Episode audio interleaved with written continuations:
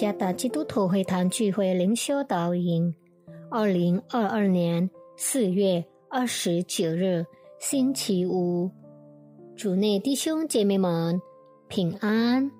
今天的灵修导引，我们会借着圣经诗篇五十五篇第二十二节来思想今天的主题：仰望神的保护。作者。以马内利牧师诗篇五十五篇第二十二节：你要把你的重担卸给耶和华，他必抚养你，他永不叫一人动摇。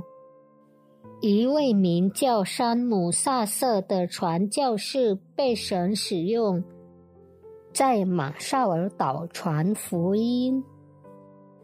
神感动他在那里建立一所圣经学校，然而他没有足够的钱。山姆的其中一位名叫巴图纳的童工不断兼顾他，仍然对神有信心。巴图纳不断的鼓励山姆交托与神。如果这是神的旨意，就不需要担忧。神与他们的事工同在，并差派了一个他们不认识的人作为赞助人，直到校舍建造完成。因着神的带领，建立了一所圣经学校，取名为。读罗地圣经学院。当我们挣扎时，我们常常会变得焦虑、害怕和担忧，结果我们容易失去喜乐和平安，甚至忘记了神的存在。今天，神的话语提醒我们要像大卫那样横切的祷告。大卫恳求神的怜悯，使从追逐他的敌人中得到保护。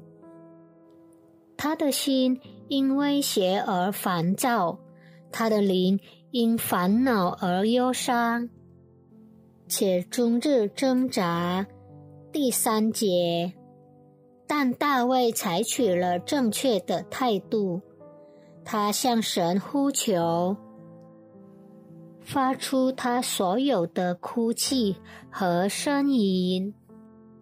大卫相信神会拯救他。第十六节，他如此有信心，是因为与神亲密关系的结果。神成为他生命的重心。大卫可以在神面前诉说他所有的感受。因此，他被称为合神心意的人。我们的生活离不开各种考验。当这种情况神允许发生时，让我们学习仍然相信并交托于神。也许在过程中会出现担忧，但不要让这种担忧变得。比我们对神的信心更大，因为担忧会使人难以看见神是生命中的主宰。向神倾诉我们的担忧吧，因为他能够为我们打开最美好的出路。仍然对神保持坚定的信心，因为他会在他最好的时候帮助我们。